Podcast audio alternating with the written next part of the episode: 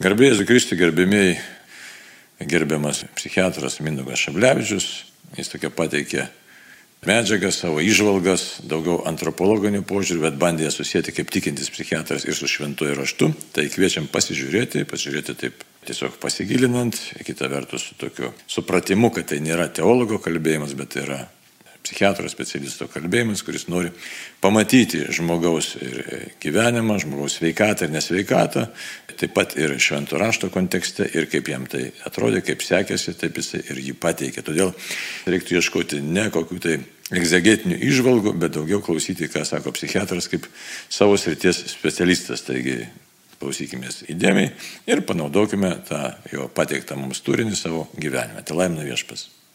Garbė Jėzui Kristui, esu gydytojas psichiatras. Šitoj laidoj norėsiu pakalbėti tokiais filosofiniais klausimais. Kas mes esame, iš kur mes ateiname ir kur mes einame.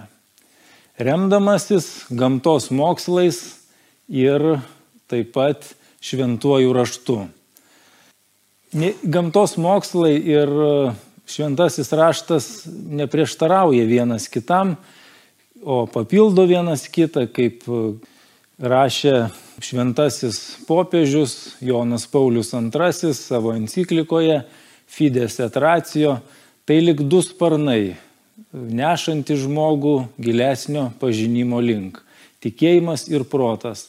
Taigi, kalbėdamas apie žmogų, kas tas žmogus, kalbėsiu kaip gydytojas psichiatras, kaip gamtos mokslo atstovas, bet taip pat remsiuos ir duomenim, kurie yra randami šventajame rašte, daugiau galbūt naujajame testamente. Taigi, koks tas žmogaus supratimas? Tie klausimai pradėjo kilti žmonėm jau senai, jau prieš 2,5 tūkstančio metų maždaug, senovės graikai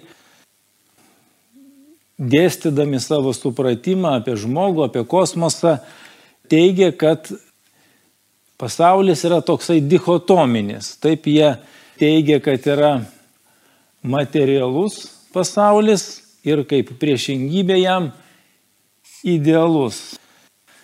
Taip, idealus tai turime omenyje, kad labai geras, bet toks idėjinis ar transcendentinis.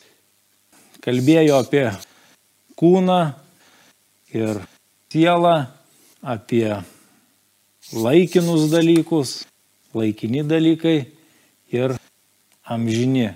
Tai toks buvo Platono mokyklos supratimas apie žmogų ir apie kosmosą, toksai dichotominis - materialus, idealus, kūnas, siela, laikini dalykai, amžini. Ir tą sąrašą mes galėtume tęsti.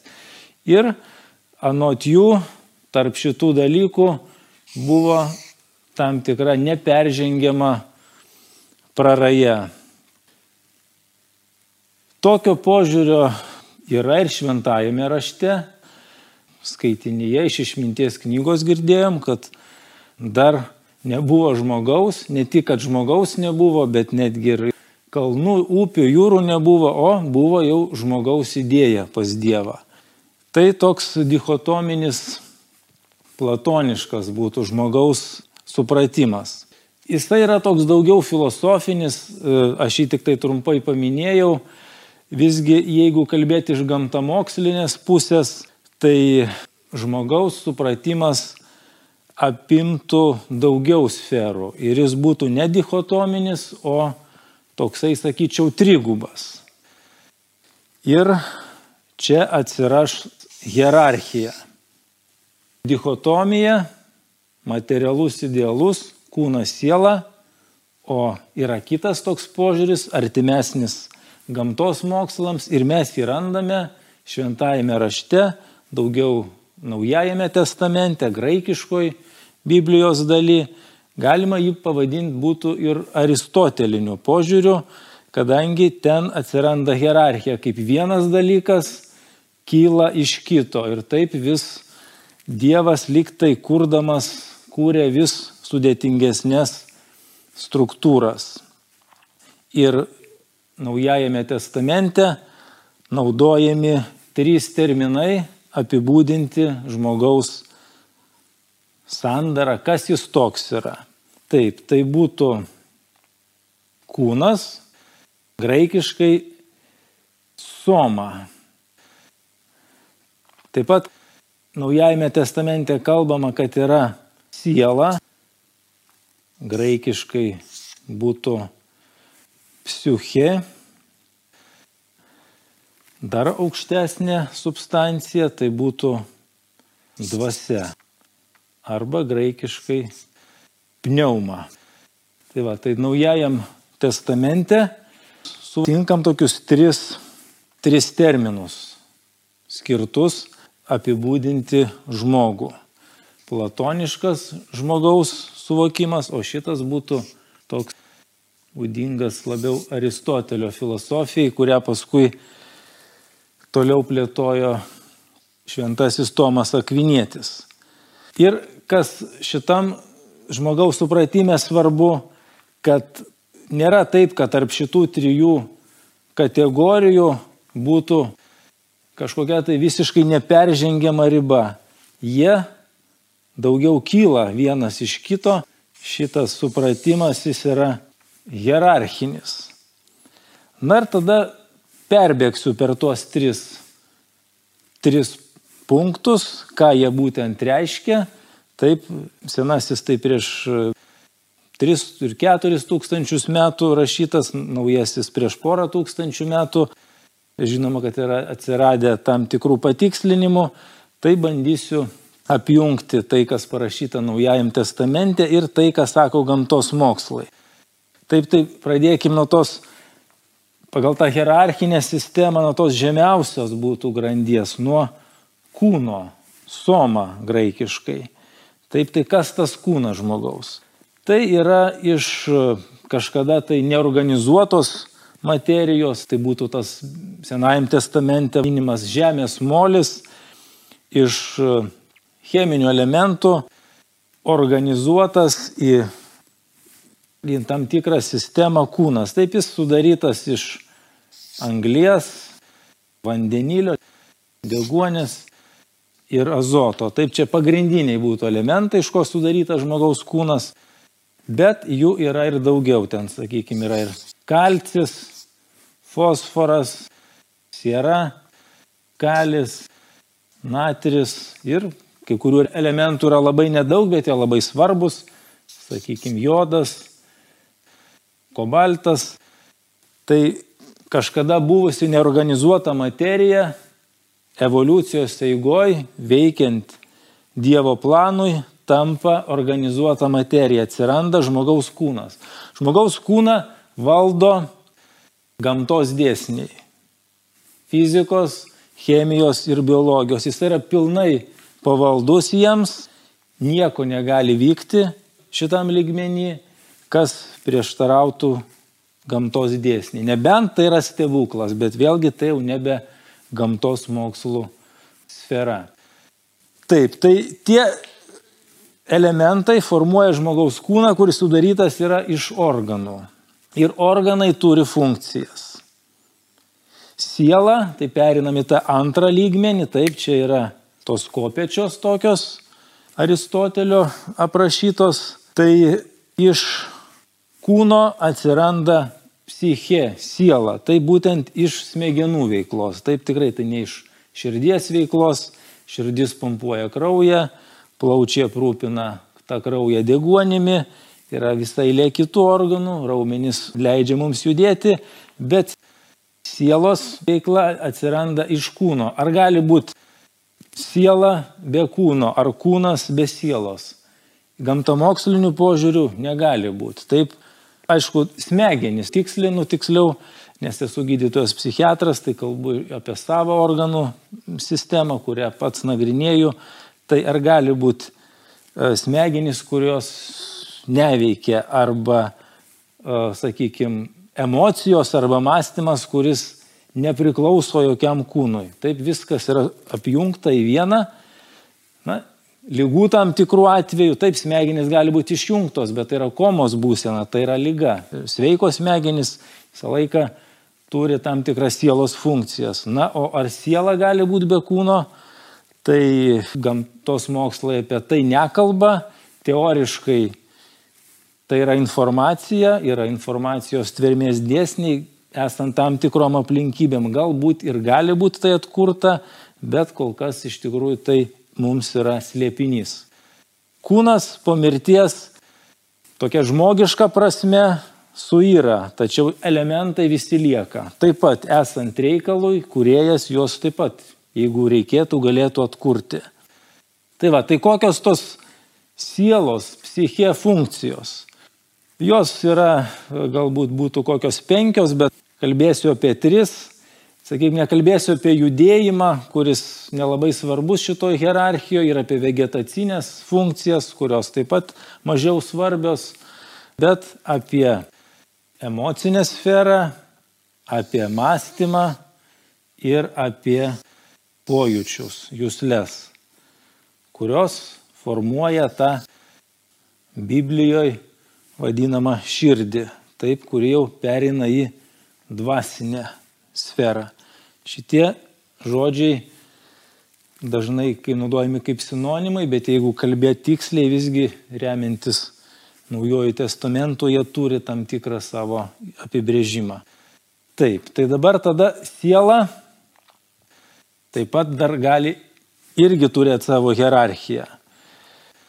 Galima skirti tokią žemiškąją arba animalinę sielą. Taip, tai yra tokios emocinės sferos, mąstymo ir suvokimo funkcijos, kurias turi ir gyvūnai. Taip, kas e, turi augintinių, tai žino, kad jie, pavyzdžiui, turi atminti.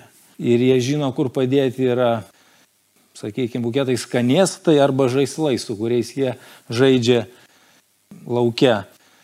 Šeimininkas meta ir šuo gaudo. Tai šuo prisimena, kur yra toks tas žaislas padėtas.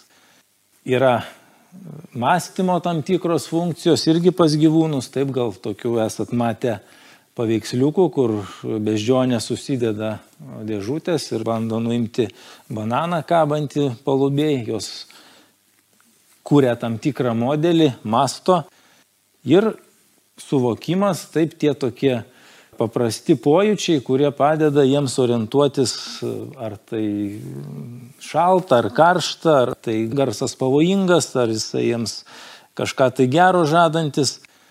Tai jos sudėtingėja šitos funkcijos ir atsiranda jau tokia aukštesnioji, labiau organizuota siela, kuri jau būdinga tik tai žmogui. Sakykime, jau sudėtingesnės emocijos, taip, kurios e, padeda mums komunikuoti, palaikyti ryšį su kitais žmonėm, abstraktusis mąstymas, kaip laiko suvokimas, sakykime, taip, kas yra laikas, laiko jutimo organų nėra, laiką suvokia protas ir taip pat ir aukštesnis suvokimas, aukštesnės jūslios, ta groži, jos gali žvelgti taip, kaip išminties knygoje parašyta, kad iš kūrinijos grožio ir sudėtingumo mes galime išvelgti tą ir kurėją. Tai būtų tokia, reiškia, aukštesnioji siela arba dar kitaip vadinama dvasinė, dvasinė siela, kuri būdinga jau žmogui. Vėlgi vis kars nuo karto priminsiu, kalbam apie hierarchinį. Hierarchinį tokį iš nuo paprastesnių link sudėtingesnių dalykų. Taip, bei jeigu paimti seną ir naująjį testamentą, koks tarp jų santykis - dichotominis ar hierarchinis, tai mano supratimu daugiau hierarchinis. Tai nėra, kad tarp senojo ir naujojo testamento nėra nieko bendro, juos skiria kažkokia neperžengiama riba. Daugiau sakyčiau, tai yra Senasis testamentas įžanga, o Naujasis testamentas tiesinys, nors tikrai atsiranda tokių dalykų, kurių nėra Senajam testamente, bet visgi tai tokia kylanti, kylantis tarp jų ryšys nuo tokių paprastesnių dalykų link sudėtingesnių ir labiau organizuotų. Tai va, tai tos emocijos, mąstymas, suvokimas. Apie suvokimą, apie jūslės Naujajam testamente mažiau kalbama, galbūt, bet sakiau, paminėta, kad tikrai iš kūrinijos grožio mes galim galvoti apie kurėją. Na, kodėl taip yra, kalbėjo apie tai žymus lietuvių filosofas Šliogeris, jis sako, kad žmonės, kurie rašė Naują testamentą, galbūt gyveno tokioj saliginai skurdesniai gamtiniai aplinkoje, tai yra dikumose, bet grožis taip pat svarbus toks elementas, kuris irgi kalba estetiką apie, apie kurėją. Tai va, tai aukštesnėsios emocijos, sudėtingesnės abstraktus mąstymas, sudėtingesni pojūčiai, jūslės formuoja tą psichikos funkciją, kuri vadinama širdis. Taip, čia ne kardiologinė širdis. Yra ir toks organas, medicino mes jį žinom, bet jis nesusijęs su žmogaus psichika tiesiogiai, ne taip, įtampos metu greičiau plakasi, bet ten nėra psichikos funkcijų. O biblinė ta tokia širdis, taip tai kalba apie tos aukščiausius žmogaus jausmus, apie tą tokį aukščiausio lygio mąstymą ir to kurėjo suvokimą. Ir čia jau įžengiam į tą dar aukštesnį lygmenį, į tą dvasinį lygmenį - pneumą. Čia kalbam apie žmogišką širdį, taip, apie žmogiškąją dvasę. Naujajam testamente šitas terminas pneuma naudojamas dviem prasmėm. Tiek žmogiškai dvasiai, taip, kur sakoma, kad e, laikykite, pavyzdžiui, dvasę nepeiktiną arba Dievo malonė tebūnė būna su jūsų dvasia. Ir latiniškose mišiose, kada kunigas sako viešpat su jumis, tai latiniškai tikintieji atsako, et cum spiritus tuo, reiškia ir su tavo dvasia, latiniškai būtų spiritus, graikiškai pneuma, tai yra žemiškoji ta širdis ir tas pats terminas naudojamas šventai dvasiai, trejybės asmeniui, bet žodis taip pat pneuma. Čia jau aišku eina kalba ne apie žmogų. Tai va, tai būtų pneumosferos. Tokia dalis žmogiškojo pneuma būdinga tik tai žmogui. Tas toks labai sudėtingas abstraktusis mąstymas, laiko matymas, savęs suvokimas, empatija, taip, tai yra jausmas, kad kitas žmogus gali jaustis atitinkamai dėl mano elgesio, taip ko neturi. Gyvūnai turi ir emocijas pykčio, artumo jausmo, bet jie neturi empatijos, jie negali suprasti, kad dėl jų elgesio kitas individas gali patirti tam tikrą diskomfortą. Tam taške aukščiausiam iš tikrųjų tai viskas susijungia į vieną tašką ir emocijos, ir mąstymas, ir suvokimas į tokį lygį, kuris būdingas tik žmogui ir tai yra būtent tai jau žmogiškoji pneuma, žemiškoji ta dvasia, širdis galima. Ir čia toks dar atskirai reikėtų pasakyti, šitoj širdį žmogus gali atskirti, kas yra gera ir kas yra bloga. Tikrai tam tikrą prasme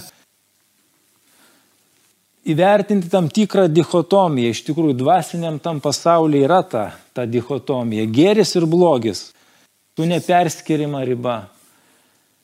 Tai toj širdyje žmogaus protas sugeba atskirti gėrį nuo blogio ir atsiranda valia, kurios taip pat neturi gyvūnai, jie neturi galimybės rinktis tarp gėrio ir blogio. Ta galimybė turi žmogus. Ir tokio valios centro iš tikrųjų mes ir nelabai galim ir išskirti psichiatrai, bent šiai dienai. Žinom, kur yra emocijų centrai, kur yra mąstymo centrai, kur yra suvokimo centrai, kur yra judėjimo centrai, kur yra vegetaciniai centrai, valios centro nėra. Ir kyla klausimas iš tikrųjų tada, tai kas ta valia yra? Tai yra tam tikra prasme slėpinys ir, ir gamtos mokslininkams, nes tokio valios centro nėra smegenyse, tačiau nuo jo tikrai daug kas labai priklauso. Tie valingi žmogaus pasirinkimai tai yra ta agapės vadinama meilė, kada žmogus daro valingus aktus dėl savo artimo.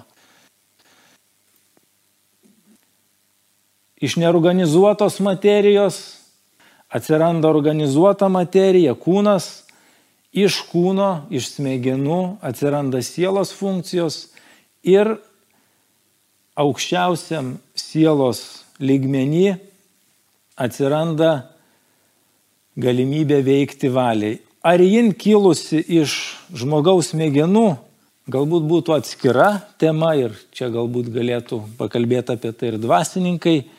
Tačiau gal galime ir teikti, kad žmogaus valia esanti žmogaus širdyje, nekyla iš žmogaus smegenų, bet veikia per jas. Taip Biblijoje randam tokį terminą, kad kas kelsis paskutinio teismo dieną ir dangiškai karalystiai, tai ne iš kūno ir kraujo. Kad valia būtent, nors jinai veikia per žmogaus smegenis, o tada smegenis valdydamos visą kūną jį pajungia tam tikrai veiklai, valia būtų tos tokios dvasinės kilmės. Taip, jeigu pabandyt kažkaip tai palyginti, galbūt įsivaizduokim, kad yra radio imtuvas, kuris transliuoja tam tikrą programą. Taip, tai tas radio imtuvas tai būtų mūsų kūnas ir siela O ta programa, kuri transliuojama per imtuvą, bet visgi jinai ne iš jo kyla. Tai būtų ta valia.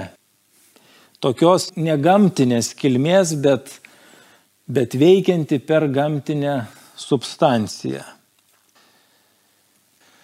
Taip, tai, nu, va, ir tas pats žodis dar pneuma naudojamas ir šventai dvasiai. Taip, čia jau abejonių nėra, kad šventoji dvasia tai tikrai ne iš žmogaus kyla, taip, čia jau nėra ką aiškinti, tai yra, tai yra dieviškos kilmės, bet jinai veikia, taip, veikia į žmogaus širdį, galbūt ir veikia į sielą, taip čia slėpiningi dalykai, tačiau sėkminių periodų skaitome apie šventosios dvasios dovanas išminties, sakykime, kantrybės ir kitokias dovanas, kurios, kaip ir sakoma, kad tai ne žmogaus nuopelnas, ne žmogaus smegenys sukuria šitas savybės, bet žmogus gauna jas. Bet kad jisai gautų, jo širdis turi būti atvira tam dieviškosios, šventosios dvasios pneumos veikimui. Deja, dėl mūsų pažeidžiamumo atsiranda toks dalykas kaip psichikos lygos. Ir tą pačią schemą tada aš panaudosiu, kalbėdamas apie tai, kodėl susirga žmogus. Kodėl susirga būtent psichikos lygomis. Remdamasis šitą schemą. Priminsiu tos lygmenis - kūnas, siela, dvasia. Tai ir lygos, galima sakyti, ir atsiranda, kada pažeidimas įvyksta kūno lygmenį, sielos lygmenį ir supaprastintai kalbant dvasios lygmenį. Nors noriu pasakyti, kad dvasia kaip aukščiausia žmogaus organizacijos toks lygmuo neserga, tačiau psichikos sutrikimų atvejais dalyvauja taip pat. Taigi kūnas. Kūnas, mūsų kūnas pažeidžiamas, marus, laikinas ir dalis psichikos sutrikimų vystosi dėl ko, kad pažeidimas yra kūne. Konkrečiai smegenyse. Tai jeigu taip supaprastintai kalbant, šitų medžiagų apykaitos sutrikimai galvos smegenyse ir sukelia psichikos sutrikimus. Kaip taisyklė yra taip, kuo sutrikimas sunkesnis, kuo labiau išreikšti simptomai, kuo jisai anksčiau prasidėjęs žmogaus amžiaus periodu, tuo būna ryškesni šitie soma sferos pakitimai ir šio laikinis mokslas juos gali nustatyti. Ką mato? Tam tikrais atvejais matos ir struktūros smegenų pasikeitimas, sakykime, sergant Alzheimerio demencija, taip, kad išplonėja tos smegenų dalis, kurios atsakingos už atminties saugojimą, jos sunyksta, jų vietą užima tiesiog vanduo, galima sakyti, ir išsitrina atmintis iš žmogaus smegenų audinio. Tai būtų struktūriniai stoma pakeitimai paprastai yra sunkesni psichikos sutrikimai, sąlygoti, kaip minėjau, degeneracijos gali būti susijusios su amžiumi, bet gali būti po traumų, po encefalitų, po smegenų uždegimų. Visgi didžioji dalis e, sutrikimų, tokių kaip depresija, priklausomybės, nerimo sutrikimai, nesukelia smegenų struktūros pokyčių, smegenų struktūros pokyčių nesimato, bet matosi, kad yra pasikeitusi medžiagų apykaita. Tai reiškia kažkurios tai medžiagos, jos vadinamos neuromediatoriai, kurios perdoda tam tikrą impulsą į smegenis, taip galima žiūrėti kaip ir kompiuterį, kur sujungta tam tikrom USB jungtim. Kompiuteristai vadina USB, neuromokslininkai vadina sinapsėm. Ten šitos medžiagos, neuromediatoriai perdoda tam tikrą nervinį impulsą ir jeigu tas impulso perdavimas sutrinka, tada atsiranda nerimo būsenos, depresinės būsenos, halucinacijos, klėdesiai, e, mąstymo nuoseklumo sutrikimai ir visa eilė kitos psichopatologijos, Tyrėjai mato, kad sinapsėse tam tikros medžiagos trūksta arba gaminasi per daug. Ir į šitą dalį veikia vaistai. Psichotropiniai vaistai. Psichiatrai savo medikamentais yra nusitaikę į somą, į somą dalį. Žmogui susirgus jie siekia ją paveikti, pakoreguoti kad jinai sugrįžtų į normą ir kad sumažėtų simptomai. Tai va, čia yra psichiatrijos sfera, soma, priklausanti nuo smegenų biochemijos. Tada einam aukščiau.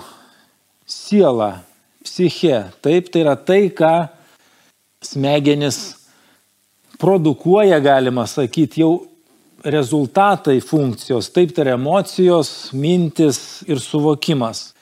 Gali smegenys būti ir sveikos, tačiau jeigu žmogus auga nepalankioje aplinkoje, čia ypač taip svarbu žmogaus pradiniai gyvenimo etapai, sakyčiau, iki trijų metų tikrai toks būtų kaip pamatas žmogaus asmenybės, iki šešių metų galbūt tas toks fasadas, jeigu lyginam su namu žmogaus asmenybė, o paskui jau ten tik tai elementai tam tikri dailinami.